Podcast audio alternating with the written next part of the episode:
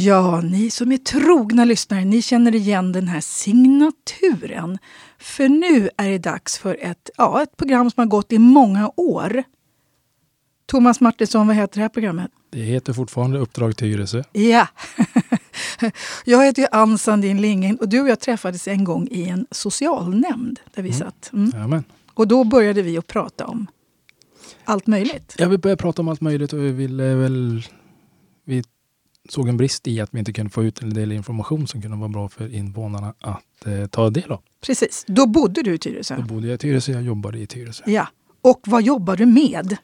Eh, jag jobbade då som polis och jag jobbar fortfarande som polis. Ja. och då jobbade du här i Tyresö centrum och du hade en egen polisstation. Mm. Eh, det fanns på den tiden hette det närpolis, en, en närpolisorganisation. Ja. Låg här i Tyresö och jag var en av flera som jobbade här på stationen. Ja. Så du och jag har suttit och diskuterat massa saker. Vi har diskuterat allt det som hände när polisreformen skulle komma. Då du hoppades att den skulle bli bra. Den blev inte bra. Vi pratade om 2015. Så du och jag har pratat i ganska många program. Du, nu tipsade jag innan. Kommer du ihåg hur många program du varit med i? Ja, dryga 50. Vad sa du? 54? Ah, nej, här, sammanlagt har det blivit 58 program. Men du har varit ah, med 34. 34. Ja, för det berodde på att du flyttade från kommunen så då var jag tvungen att hitta nya poliser här mm, i kommunen. Absolut. hade en, har en granne, hade en granne, han flyttat. Så då hittade jag fler poliser. Så att jag har gjort det här programmet. Men nu ska du och jag göra ett till program. Ja, vi har alltid haft, vi har ju liksom haft kontakten hela vägen. Ja. Så ibland är det lite fler program och ibland är det lite längre mellan programmen. Ja.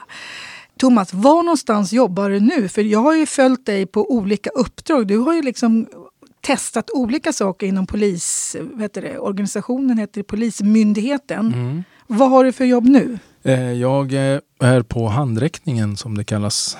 Där vi eh, egentligen utför handräckningarna mycket till sjukvård och landstinget som begär hjälp av polisen när de ska hämta människor som eh, ja, LPT 47. Vad är LPT? LPT är lagen om psykiskt sjuka. Eh, som alla, människor som har problem och som inte kan ta hand om sig själv, fara för sig själv eller andra. Då vill kanske sjukvården ha dem hämtade från sina hem och till, till sjukhuset. Eller vice versa, eller gå från, från sjukhus till en annan enhet och så vidare. Då är det vi som utför. Gör polisen det? Ja, vi, handräckning. Vi, vi utför, de begär en handräckning. Sjukvården exempelvis då, det kan vara LVM. Vad är det någonting? Det är lagen om vård och missbruk. Mm. Eh, LVU, det är unga, eh, barn och unga som hamnar snett och så vidare. Där blir också vi, där kan då socialtjänsten då begära en handräckning för till Polismyndigheten för att vi ska hjälpa till att trans transportera. Det, det kan vara transporter till, till exempel till en rättegång, det kan vara transporter till ett, ett vårdhem, det kan vara transporter till allt möjligt sånt där. Absolut, det är ja. precis så det är. Sen har vi också som ligger på så att vi ska leta eh, efterlysta och så vidare. Den mån vi hinner med det så ska vi leta vi efterlysta och så vidare. Så vi, det är ett ganska brett spektra på sysslor som vi gör.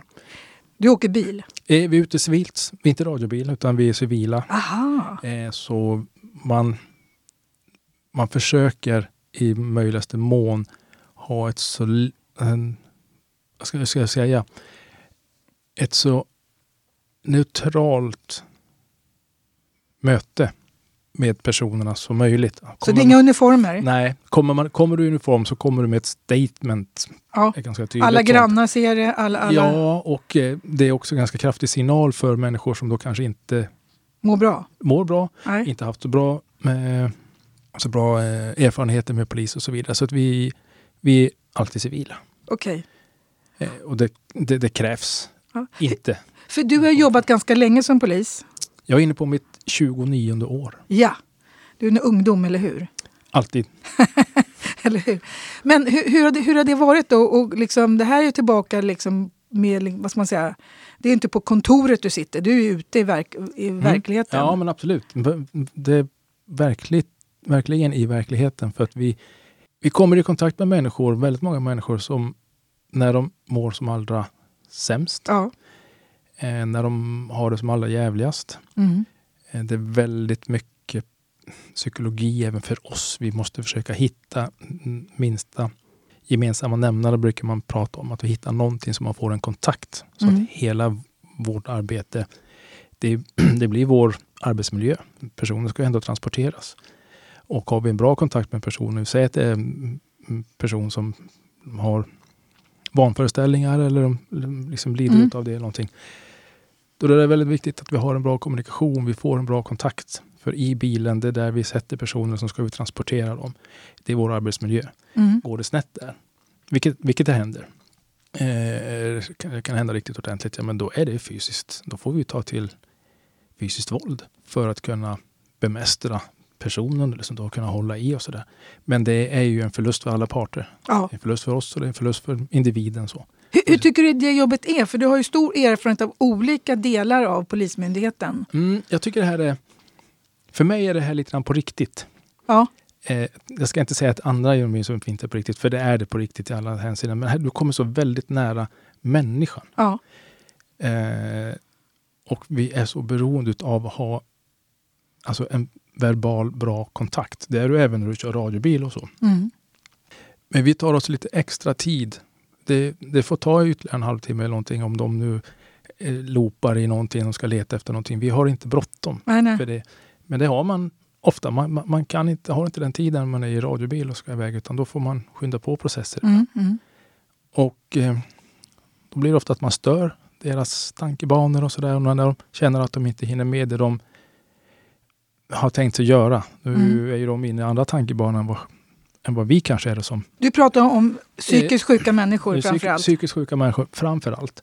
Men även, även de som inte är det. De som, menar, eh, missbrukare och narkomaner så där, som blir omhändertagna för att de ska in på, alltså de, på hem eller vet det, vård eller någonting mm. sånt där.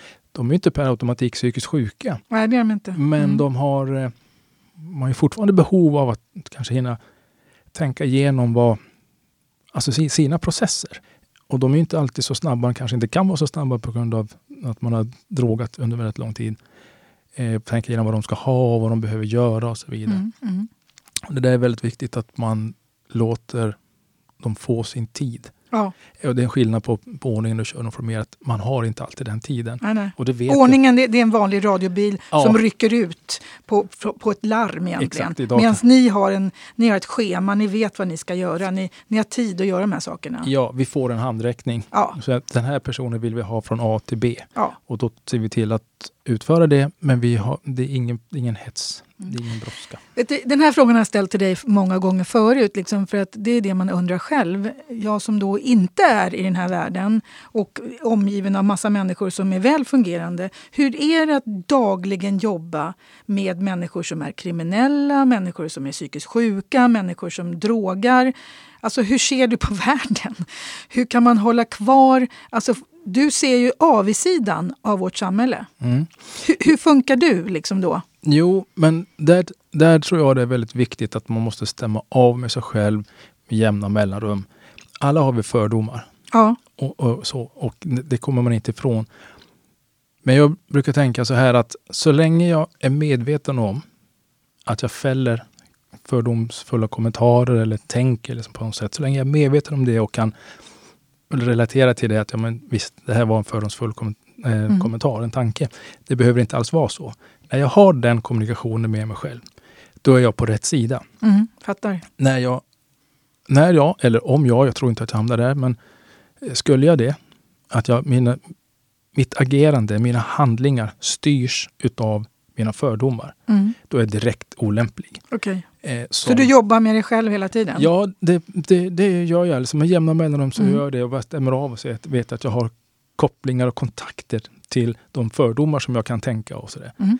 Det där är jätteviktigt att ha en sån. När du börjar ledas av dina fördomar, när, när dina fördomar blir en sanning, då är, du, då är du inte en bra polis. Nej, då är du inte där. Nej. Jag, jag har lyssnat på ganska mycket poddar och då är det en det är en polis som heter Hanif Azizi, tror han heter. Han har kommit ut med en bok som heter Förortssnuten. Han är polis i Tensta. Mm. Och han pratar också om det här med att vara levande. Han menar det att han älskar sitt yrke för när det är skarpt läge, då lever han. Mm. Han vet att nu, jag måste vara på topp. När jag springer mot faran, det är då jag vet att jag lever. Och Det här är en sån jättekonstig grej för mig som då inte lever ett sånt liv. Jag tänkte så åh vad obehagligt det måste vara. Men just när man jobbar med... Det, så har även sjuksköterskor sagt som älskar att jobba på akuten. Alltså att känna att man gör någonting på riktigt Mm. i stunden. Kan du förklara den här grejen också? All, jag tror alla som jobbar, blåljuspersonal och andra människor som, som har jobb där det blir tempoväxlingar och där man måste fatta snabba beslut, Ja, eh, har samma sak. Man, man går in i zonen och man mår bra. man mår bra. Man gör nytta. Man, ja, ett, man tänker inte så att man just, Nej. just i stunden, för då kan det gå så pass fort så att du, du bara agerar. Okej. Så det blir liksom som ett självspelande piano. Mm. Eh, och man märker när man inte... Fungerar så bra. Nej, nej, precis. Du kan ha en dålig dag eller du Mm. kan vara liksom, det kan vara information som du går in med i Mm. ett första läge som sen visar sig vara helt annorlunda. Och då är det inte alltid helt lätt att tänka om Nej, när du är nej. mitt inne i lejonkulan. Att eh, göra ett omfall då, som man brukar prata om. Och där, där kan man ibland känna, fan, jädrar, jag skulle ha fattat det beslutet snabbare. Och sånt det. där. Och då, då, då blir det påtagligt Okej. att, man, att man inte var riktigt, även om det inte blev, blev Nej. dåligt. Nej. Men grejen är det att det finns en tjusning i faran. Det finns en tjusning i Det faran. finns en ja. tjusning i den. Och när jag, jag kan bara relatera till mig själv. Nu har jag jobbat så pass länge och jag har också jobbat många år i de utsatta områdena i Botkyrka och Mm. mm. Norsborg.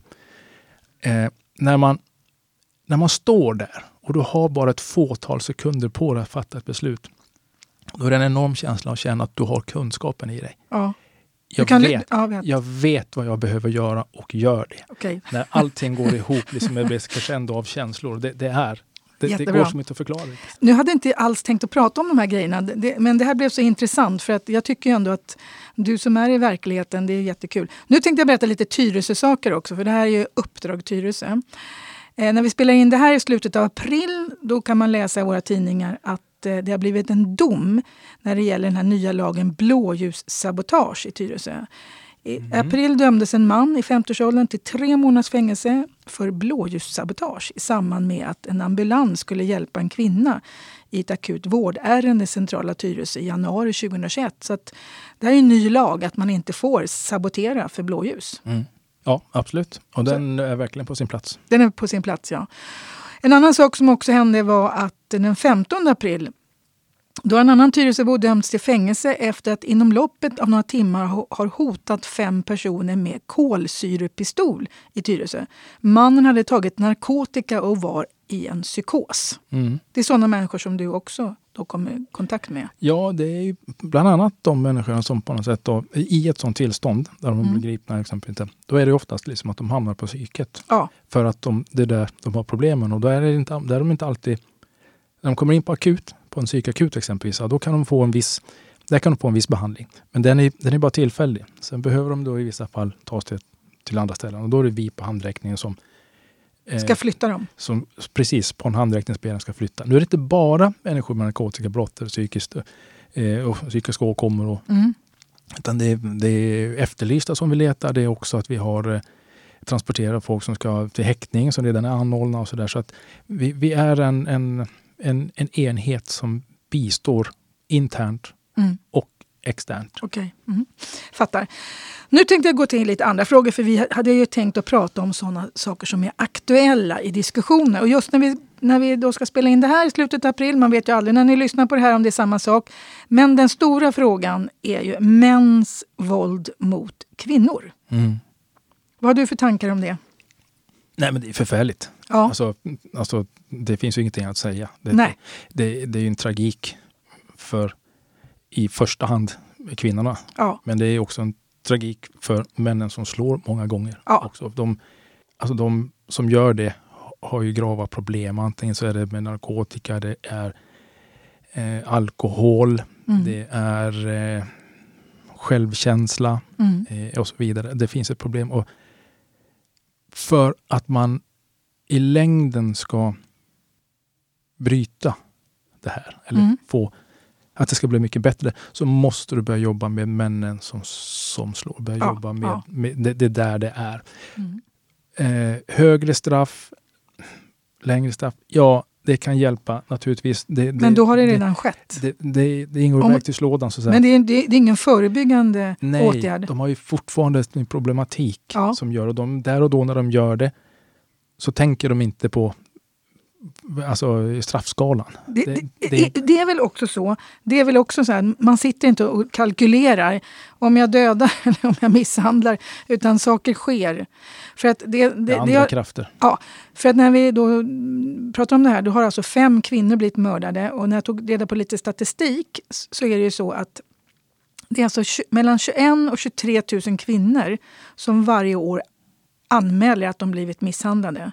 Och det är ofta någon som man känner, det vill säga nära relationer. Som. Däremot när män blir misshandlade, då är det oftast någon som de inte känner. Ja. Så det är också, kvinnor blir slagna hemma. Det är ja. det som är annorlunda. Mm. Och i snitt då, sedan många år tillbaka så har det varit 15 kvinnor varje år som har dödats av sina mm. oftast närstående. Mm. Eh, och eh, Brå har räknat ut att det är ungefär 2,2 procent som blivit utsatta. Så det är ju fortfarande så att 98 procent av kvinnorna blir inte slagna, vill jag då säga. Ja. Sen kollade jag på lite orsaker. Och det man har sett, det farligaste en kvinna kan göra som är ihop med en våldsam man eller en man som förtrycker henne eller misshandlar henne, det är att försöka ta sig därifrån. Alltså det är vid separationen som det är då han blir galen och ska slå ihjäl henne eller om hon går till en annan man eller så.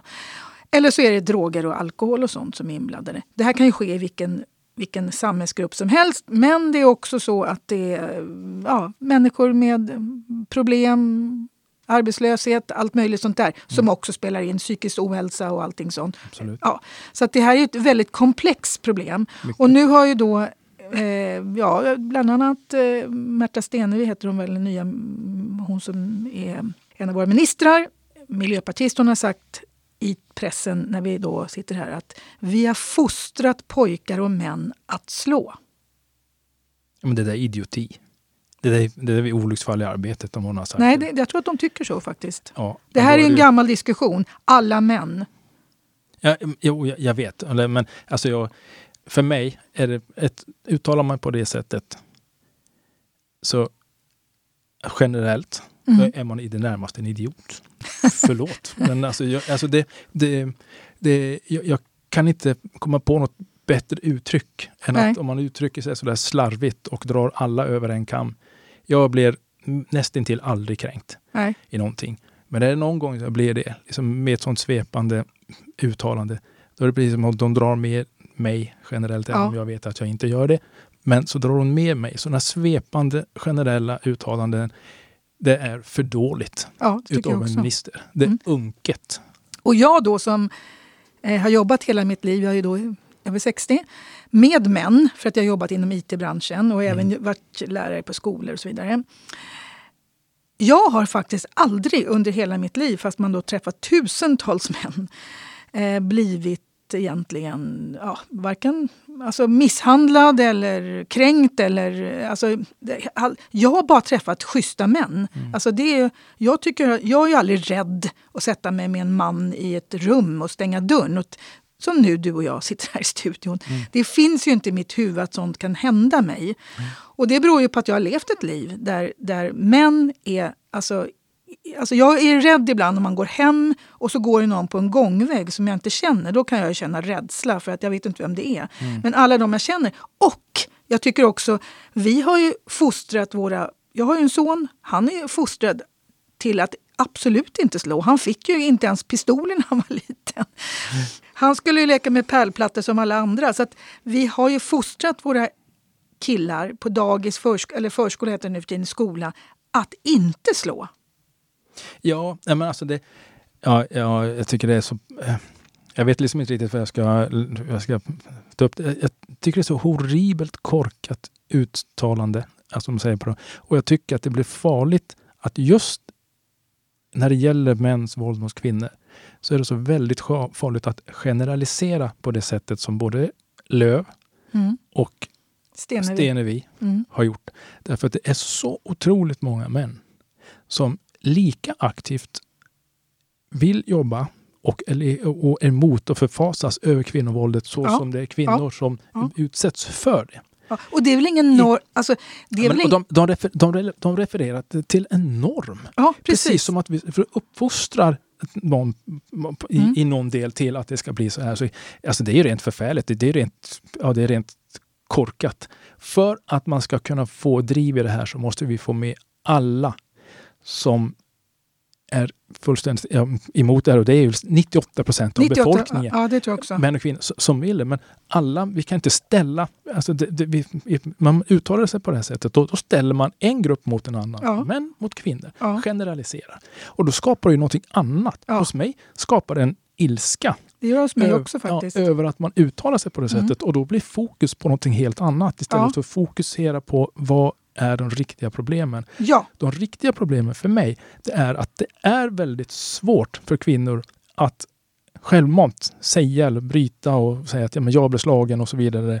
Och så vidare. För att, om man hamnar i en ja, relation, om du handlar i en relation, där, relation där, som är toxisk. Exakt. Och Ja. du, har, du jobbar med skam, du jobbar med rädsla, du Mm. jobbar med en massa saker. Där tycker jag samhället inte tar ett ansvar fullt ut. Mm. Att kunna möta dem och kunna institutioner och någonting sådär och kunna exempelvis agera Mm. för överhängande hot. Som, Ja. som det är nu så kan, som en lagstiftning skriven så att nej, men vi kan inte göra någonting. Jag vet inte hur många gånger vi har fått säga, eller Polismyndigheten, och har fått säga till kvinnor, eller så här, men vi kan inte göra någonting Nej. för ingenting har hänt. Nej, Nej, och i, i, i det läget, det är precis i den twilight-zonen som kvinnorna liksom väljer att gå tillbaka för att samhället, vi inte kan. de kan inte det. bli skyddade. De kan inte, de upplever att de inte kan bli Nej. skyddade och de kan de facto inte bli skyddade. Nej. Vi kan inte skydda dem, vi i, eh, som i samhället. Nej. Och det, det är väl det som också gör att kvinnojourerna behövs, som kan ge kvinnor ett skyddat boende. Men det innebär ju att den kvinnan måste alltså lämna sin där hon bor med sina vänner, inte ha kontakt, flytta in på ett, på en, ett skyddat boende med sina barn. Barnen måste få nya det, Alltså hela kvinnans liv måste göras om. Och förövaren, den som har betett sig illa mot henne, kan man inte sätta dit förrän han gör något. Nej, och det var det jag skulle komma till. För, förutom all den skammen och för, förutom den här rädslan som kvinnan har, Mm. så ska man också då hantera det vardagliga, så som barn, så som skola, så som alla andra kontakter. Och man har vänner och man har familj. Alltihop, alla Ja. sina kontaktytor, alltihopa ska man då förväntas att kunna liksom hålla igång. Och det fixar man inte. Nej. Och då hamnar man på botten. Och istället för att då alltså kunna bryta sig loss, Mm. så är man så alternativet, alltså, bryta sig loss är att du måste ha kraft, Ja. energi och stöd och hjälp. Det Mm. har du inte idag. Nej, Och då orkar man inte. nej. Det som parallellt måste göras med det att samhället måste flytta fram sina positioner och sträcka ut sin hand och även kunna, som ett exempel, ingripa när risken är överhängande. Mm. Det finns hot och, man liksom, och så vidare, fast det inte har hänt någonting ännu. Det är det att där ska man greppa tag i de här männen. Mm. Mm. Så det ska, väl, det, ska vara krav. Antingen så kommer, få, får du genomgå behandling Ja. över tid. Vi kommer stämma av och kolla det här. Det är liksom ingen tre veckors grej utan det här, det här kan vara tills Mm. man ser liksom att det här är en förändring. Eller så åker du in. Mm. Alltså, d- d- mannen ska ställas in för krav. Naturligtvis men- så ska de liksom det- få någon slags vård i det hela för annars hjälper det Nej, inte. men det är det här tycker jag som är svårt. Det är samma sak som det här med våldtäktsanklagelser. När två människor, det handlar om två människor som kanske är i en lägenhet. Den ena säger jag blev slagen, den andra säger nej jag slog inte. Eller den ena säger jag blev våldtagen, nej jag blev våldtagen. Alltså när ord står mot ord. Mhm. Det är det som är så svårt i alla såna här... Liksom, det, det är ju subtila grejer. Det är ju sällan vittnen, det är sällan... Alltså, då måste ju kvinnan visa upp att hon har blivit slagen. Då har det redan skett. Så det här förebyggande jobbet för att se till att män inte slår, misshandlar och till och med dödar kvinnor. Mm. Det är där... Ja, men det, det, måste ju till, det måste till många år innan. Ja. Det, det kan man ju, måste man kunna ta upp och prata om redan i unga år. Ja, Alltså prata om värderingar och normer liksom så, liksom i, alltså man har i skolan eller någonting Ja. så, att det, så att det finns med ett äm, ämne i det. ja, Men det är hur många kvinnor som helst som har en historik utav att ha blivit slagna. Och eh, där man då... När man vet det. Man när, vet när, det. när man vet det. Och de har anmält, de har gått de in på har anmält akuten. dem flera Ja. gånger. Liksom, man kommer in, man kommer till lägenheten, man ser att hon är slagen, man Ja. ser att liksom, det är inte riktigt samma som kan jag tycka som en våldtäkt. För, Det är inte. Nej, för där är det inte lika lätt att, att se Men om, men, penet- om penetreringen är eh, frivillig ja, eller, okej. om den, eller om man har slagit sig till den. Ja, alltså okej. det, det beror ju på. Så Mm. Finns det inte något sånt, men det kan fortfarande vara ett tvång. Ja. Det kan vara under hot eller någonting som gör att du inte vågar säga ifrån. Så Nej. den är inte per automatik lika enkel. I sådana fall skulle jag tycka att Det är enklare med att det- misshandel. Ja, när man har lite att gå på när man kommer dit Mm. på patrullen och ser och tittar på. Du kan få ett utlåtande från läkaren som säger att det här är inte här, hon har inte ramlat mot, mot eh, den utdragna skärbrädan. Nej, nej. Utan det här är trubbigt våld och sådana saker. Mm. Det finns lite saker som du kan... Men du, ni, ni har alltså inga verktyg att hjälpa de här kvinnorna? Idag som det ser ut lagstiftningsmässigt så är det så att så, det inte har hänt eller då liksom någonting, någonting måste hända för att vi ska kunna agera, vi säger ändå Och hänt, och det räcker inte med att de blir... Ja, det är, alltså Slagen. hot, alltså när, Ja. alltså hot och sånt där, då har du, då har du ett brott. Då Mm. kan man ju agera. Men det är för litet. Det, det, Men ofta är det för lite för att exempelvis finns det kontaktförbud. Mm, Det, alltså där är gränsen idag, upplever jag, lite för hög. mm. Alltså det måste till, ja okej, men det är ett hot, ja det är två hot. Så tittar man på det man vill gärna ha med så att det finns, om det finns en dom på, eller att hon har blivit slagen en och två och tre gånger, för att styrka upp farligheten i det hela. Mm. Den nivån kan jag generellt tycka att den, är för låg. ja, Mm. nej den är för hög. Den Alltså den är för hög. Du sänkas. menar, det, jaha, du menar så? Ja, just det. Ja. Liksom så. Men för det har man ju pratat om nu, som, fotboja. en, som en del. Ja, som är, ja. Vet du vad, jag tänkte vi ska gå vidare för att du har ju mycket annat att att prata om också. För att, eh, en annan sak som diskuteras just nu i april det är Black Lives Matter, BLM. Mm. För nu har då den här domen eh, fallit mot den här polisen och han har blivit dömd. Och då kommer genast diskussioner upp i Sverige Mm. om Black Lives Matter, det vill säga att polisen är rasistisk. Mm. Och det har du, du och jag diskuterat förut i ett program. Mm. Och det här är ju, du tycker jag har lite lättare att diskutera här i och med att du faktiskt har en pappa som kommer från Afrika. Så du själv är black. Eller kallas du black? Bla, svart. Vad är du för någonting Thomas? Mulatt heter Så det. ditt liv, du, så du är inte Black Lives Matter? Nej, okej. Ditt liv är inte så viktigt. Du måste vara dubbel... Ja, din mamma kommer från Sverige. Jag är inte svart så mitt eh, eh, liv är inte riktigt lika viktigt som ett Du är inte tillräckligt svart. Nej. Tillräckligt svart. Nej. Men det här med polisen som är rasistisk. Mm. Hur ska vi ta det här? För nu kom, den här diskussionen pågår ju hela tiden i Sverige. Men den är ju Att- larvig. Den är larvig. Ja, men den är ju larvig. Det, Ja. alltså, de, de borde ju skämmas, de som uttalar sig så generellt i Sverige. Det är en Ja. skam. De borde titta på sig själva i spegeln borde skämmas. För polisen, generellt uttalande igen, Sverige är inte rasistisk. Nej. Långt ifrån. Ja. Vi skulle, skulle nog vilja säga att vi har den mest, mest antirasistiska polismyndigheten i världen. Bland, bland de mest i världen. Sen så har du så mycket som Polismyndigheten jobbar med värdegrund och man får upp det här och så vidare. Sen så har du individer inom Polismyndigheten. Mm. Precis som du har individer inom Konsum och Coop. Mm. Eh, och Var som helst. Ericsson. På- på- var, på som, vilken? var som helst. Ja, ja, men, som, kan ha, som kan uttrycka sig eller bete sig. Mm.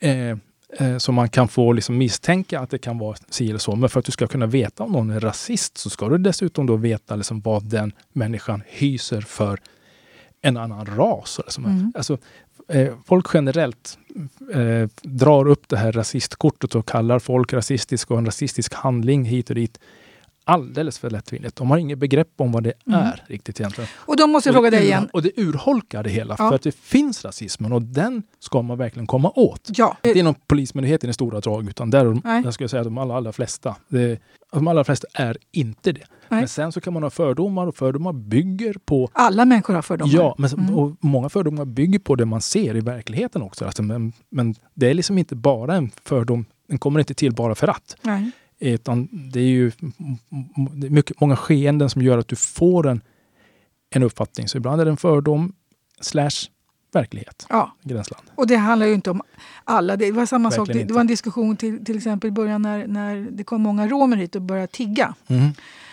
Och då var det någon som sa att det är en fördom att, att ni, ni, ni är så fördomsfulla, ni tror att romer tigger. Men problemet är ju att många av de som tigger har romsk bakgrund. Så. Så då är det inte någon fördom utan då är det ett konstaterande. Även om, en- om, det innebär ju inte att alla som har romskt ursprung tigger. Men de som är i Sverige har ofta romskt det. bakgrund Ja. och är med i såna här ligor. Så att liksom det är det som är svårt när man ska prata. Det är liksom för att om man säger så här det är män som slår kvinnor. Det innebär inte att det är alla män som slår kvinnor. 98 procent av kvinnor blir inte slagna. Mm. Eller det är bara... Så det här är, de här generaliseringarna, vi vill ha svart och vitt och rött och blått och allt vad vi Det är galet, för mm. då går det inte att diskutera vilka är det som håller på. Nej. Nej.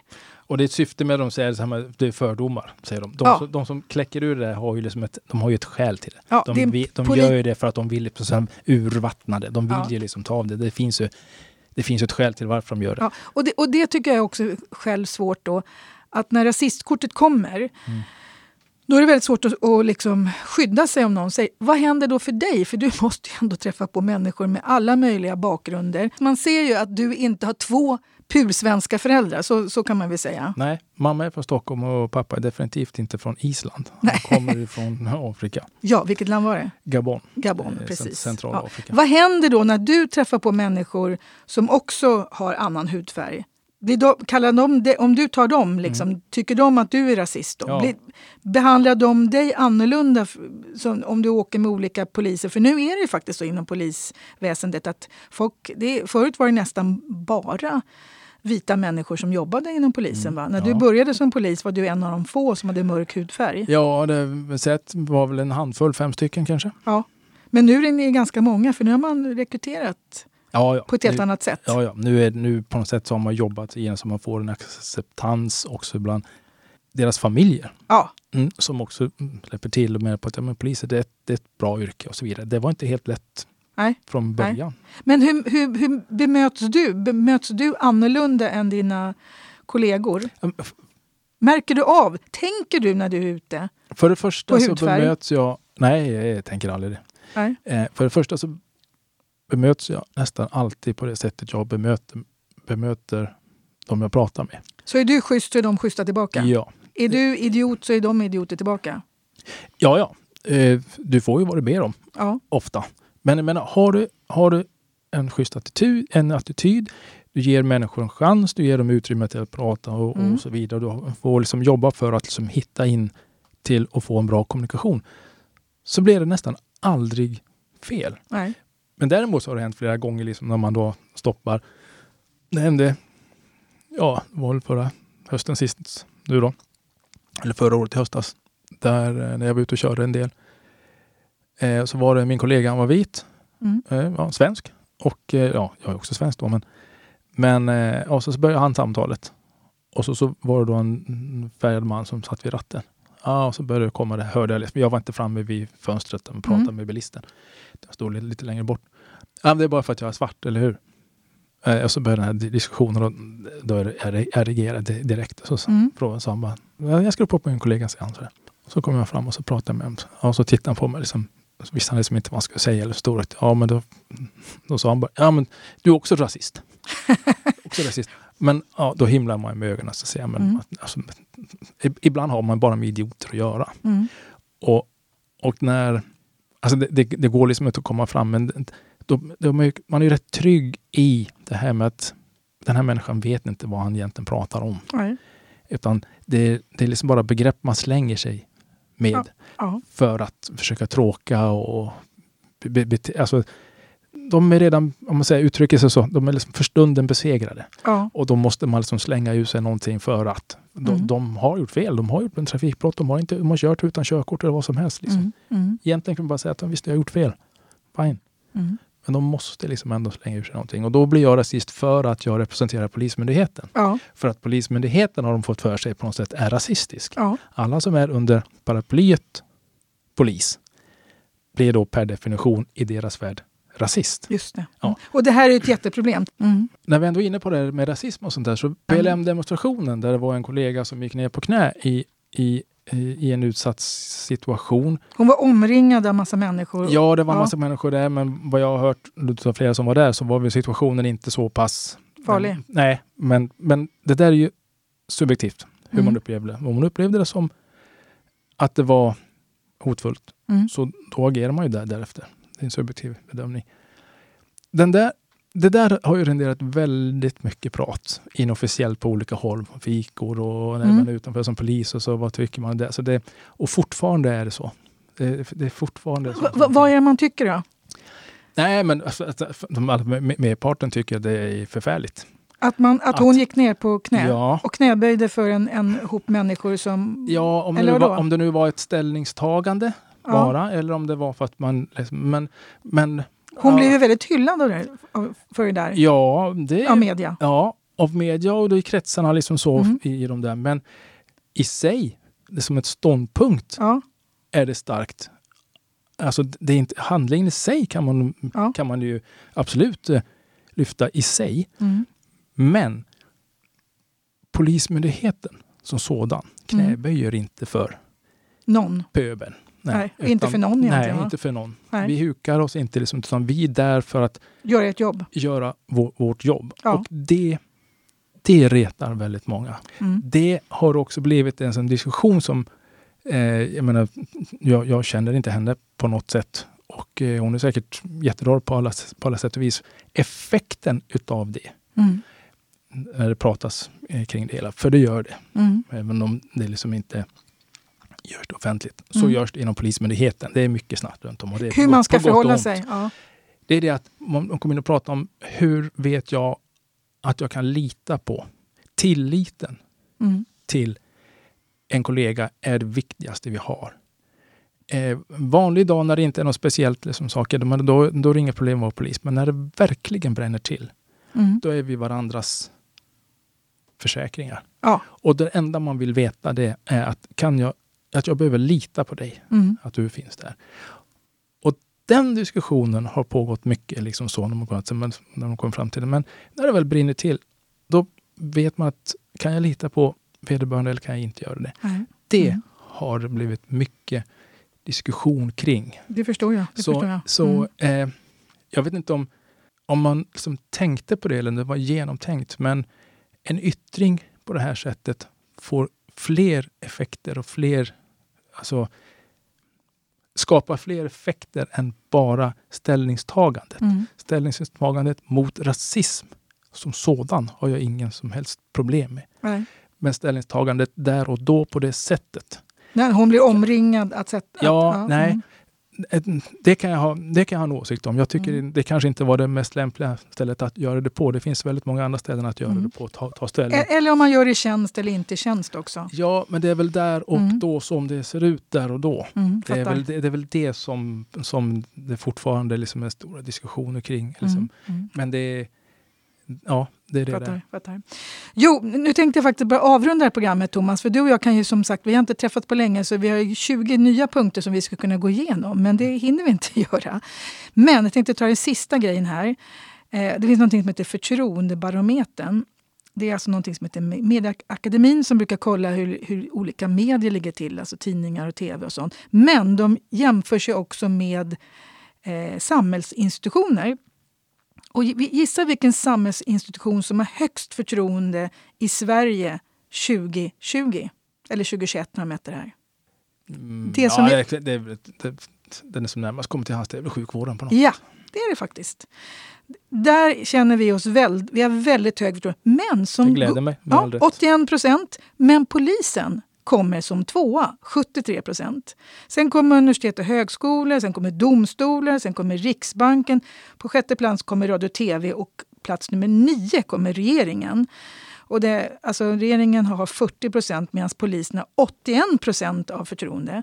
Hur kan det komma sig att polisen har så högt förtroende när vi har gått igenom ett år av Black Lives Matter. Man pratar om att polisen är rasistisk. När vi har, vi har haft mest skjutningar. Alltså 2020 hade vi mest skjutningar, var 340 skjutningar. Det var det mest som vi haft. 44 hade avlidit, 111 skadade. Alltså kriminalitet, brottslighet, skjutningar, bombdåd och en rasist. Hur kan, hur kan det komma sig att polisen ändå har så högt förtroende? Och det ökar. Mm, ja, alltså, det här sätter bara fingret på att det är helt... Jag, kan, jag tycker det är helt omöjligt att...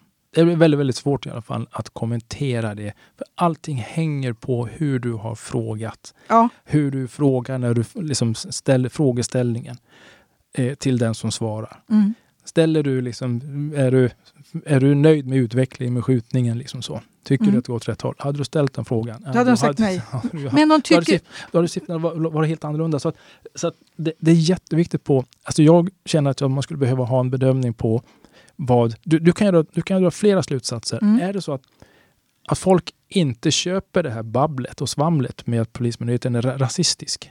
Mm. Det är liksom den här interna eh, säga, förvirrade klubben lite grann som, som, som spyr ut och vill försöka få det. Det köper inte människor. Nej. Nej, Och man, ser, generellt. och man tr- men för, det- för det är så... Men, säga, mm. det, det, det är en sak du kan utläsa av det. Den andra som blir lite svårare att utläsa av det, att, det är att sprängningar och skjutningar ökar eller fortfarande på väldigt, väldigt hög nivå. ja.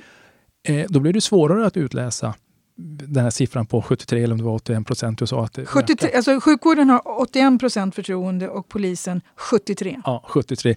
Då blir den siffran betydligt svårare att kunna tyda. Det är därför menar jag att du måste liksom ha ett underlag på på, på vilket sätt har frågan frågan, ställts. Men, men känner du av att ni har högt förtroende?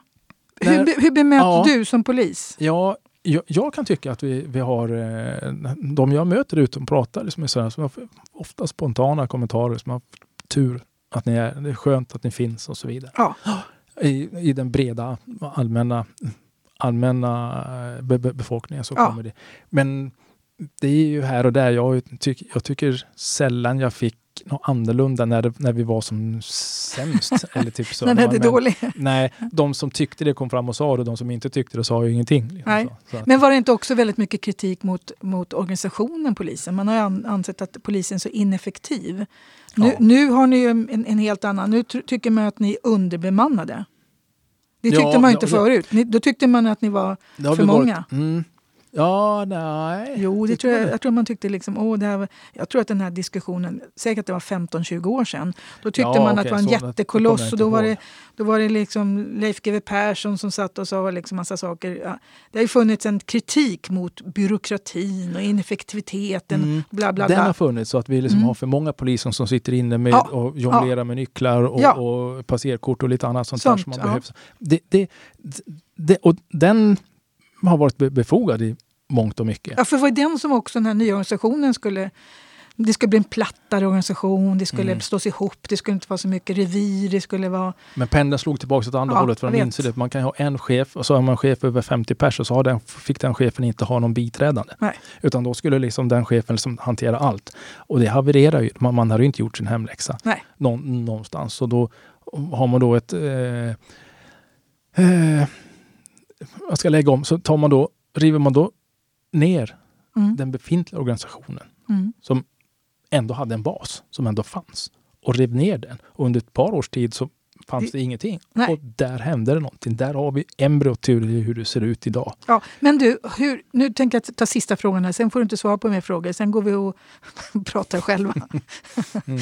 Men är det på väg åt rätt håll? För ni har ju fått en, tycker jag, en ganska bra chef. Men han Mm. har ju liksom inte levererat än så länge så det han ska göra. Men han har ju ändå, ni har fått en hög chef. Anders Thornberg. Ja, han har ju själv varit polis. Mm. Det ställdes ju väldigt mycket förväntningar på honom när han blev rikspolischef. Har, känner ni att det går åt rätt håll inom Polismyndigheten? Om jag får svara för mig själv Ja. Så kan jag tycka, det är ju siffror och sånt där som på många håll pekar åt rätt håll, men jag tycker som generellt i stort så tycker jag fortfarande inte att vi har en bra polismyndighet, en, en, en organisation för det. Nej, det tycker jag inte. Det tycker jag inte? Nej, eh, det, det är... Alltså, jag kan ju tycka att alltså, poliser och polisledning jobbar med en polisoperativ ledning. Mm. Där har mandat förskjutits, i, det är min uppfattning, till HR och till ekonomi och det är budget och så vidare. Så de sitter med lite för stort mandat och med för dålig insikt Mm. för hur en polisiär operativ alltså, verksamhet fungerar. Det, det, det är min privata åsikt. Mm. Och när man då ska på något sätt ut på det fältet, då är det lite grann som att släppa ut ett antal skrämda gäss. På liksom, det är mycket kackel och det är flaxande hit och dit, men det händer liksom, det blir liksom ingen ordning på torpet. Nej. Man jobbar uppåt istället för neråt. Ja, men vi borde få ut väldigt mycket mer frågor ute, ute i linjen. Ja. Det gäller både värderingsfrågor Mm. och det gäller liksom eh, eh, rent operativt aktiva alltså frågor så som ska Mm. till. Allt det här med närpoliser, kon- vad heter det? Vad hette alla de här olika? För, ja, Ja. Före, Förebyggande. förebyggande Ja. finns fortfarande. Det är alldeles för lite av för- den förebyggande delen Mm, som mm. måste till. Sen så ska man ju vara medveten om att Anders Thornberg sitter ju i, visst han är rikspolischef, Mm. men han har ju han har, han har ju en modell, han har en mall. Han, Okej. han har ju styrs utav eh, regleringsbrev och så vidare som kommer från regeringen. Ja. Eh, och eh, han tycker jag är den som tydligast har ställt krav och sagt Ja. att det här fungerar inte. Det här måste ut. Han har varit ute med Säpo-chefen tillsammans. Mhm. Han har varit ute med flera andra och sagt att det här är för dåligt. Ja. Det, här, det här funkar inte. Vi, hela samhällsapparaten måste ut och, och Ja. till. Och han Ja. har försökt lyfta fram socialtjänsten och det har varit länsstyrelse, bidragsenheter, Skatteverket, och Polismyndigheten, tull, Mm. kustbevakning. Alla ska ut i det. Och det har han varit ute i ganska för han skarpa har varit tyd- artiklar innan och tydlig i det. Det tycker jag också. Vet du vad, Thomas Martinsson? Din tid är ute. Nej, jag skojar. ja, det kan det vara. Nej, nej, nej, det nej, kan nej, nog nej vara det är det inte. Eh, det, det, vi håller på långt mer, lång tid än vad vi brukar göra. Eh, men Ja. ibland har vi haft långa program det också. Ja, ja, men nu har vi inte träffats på ett tag så vi hade mycket och jag har flera punkter här så du måste komma tillbaka. Mer än gärna. Ja, för vi måste fortsätta med vårt program som vi ändå kört sedan, jag tror det var 2014 vi började. Någonting sånt där. Vi, vi, vi började innan 2015 vet jag i alla fall. Jävlar. Så vi har hållit på länge då vi har pratat om de här frågorna. Det ska bli kul egentligen att höra vad vi sa från början. Tack så mycket Thomas Martinsson som är polis. Ja, jag tackar dig. Tack Och jag heter alltså Ann Sandin Lindgren och ni har lyssnat på det här fantastiska programmet som heter Uppdrag Tyresö. Och vill ni tipsa oss om saker, gör gärna det. Maila oss på info så kan vi ta upp era frågor. Ni har alltså lyssnat på Radio Tyresö 91,4.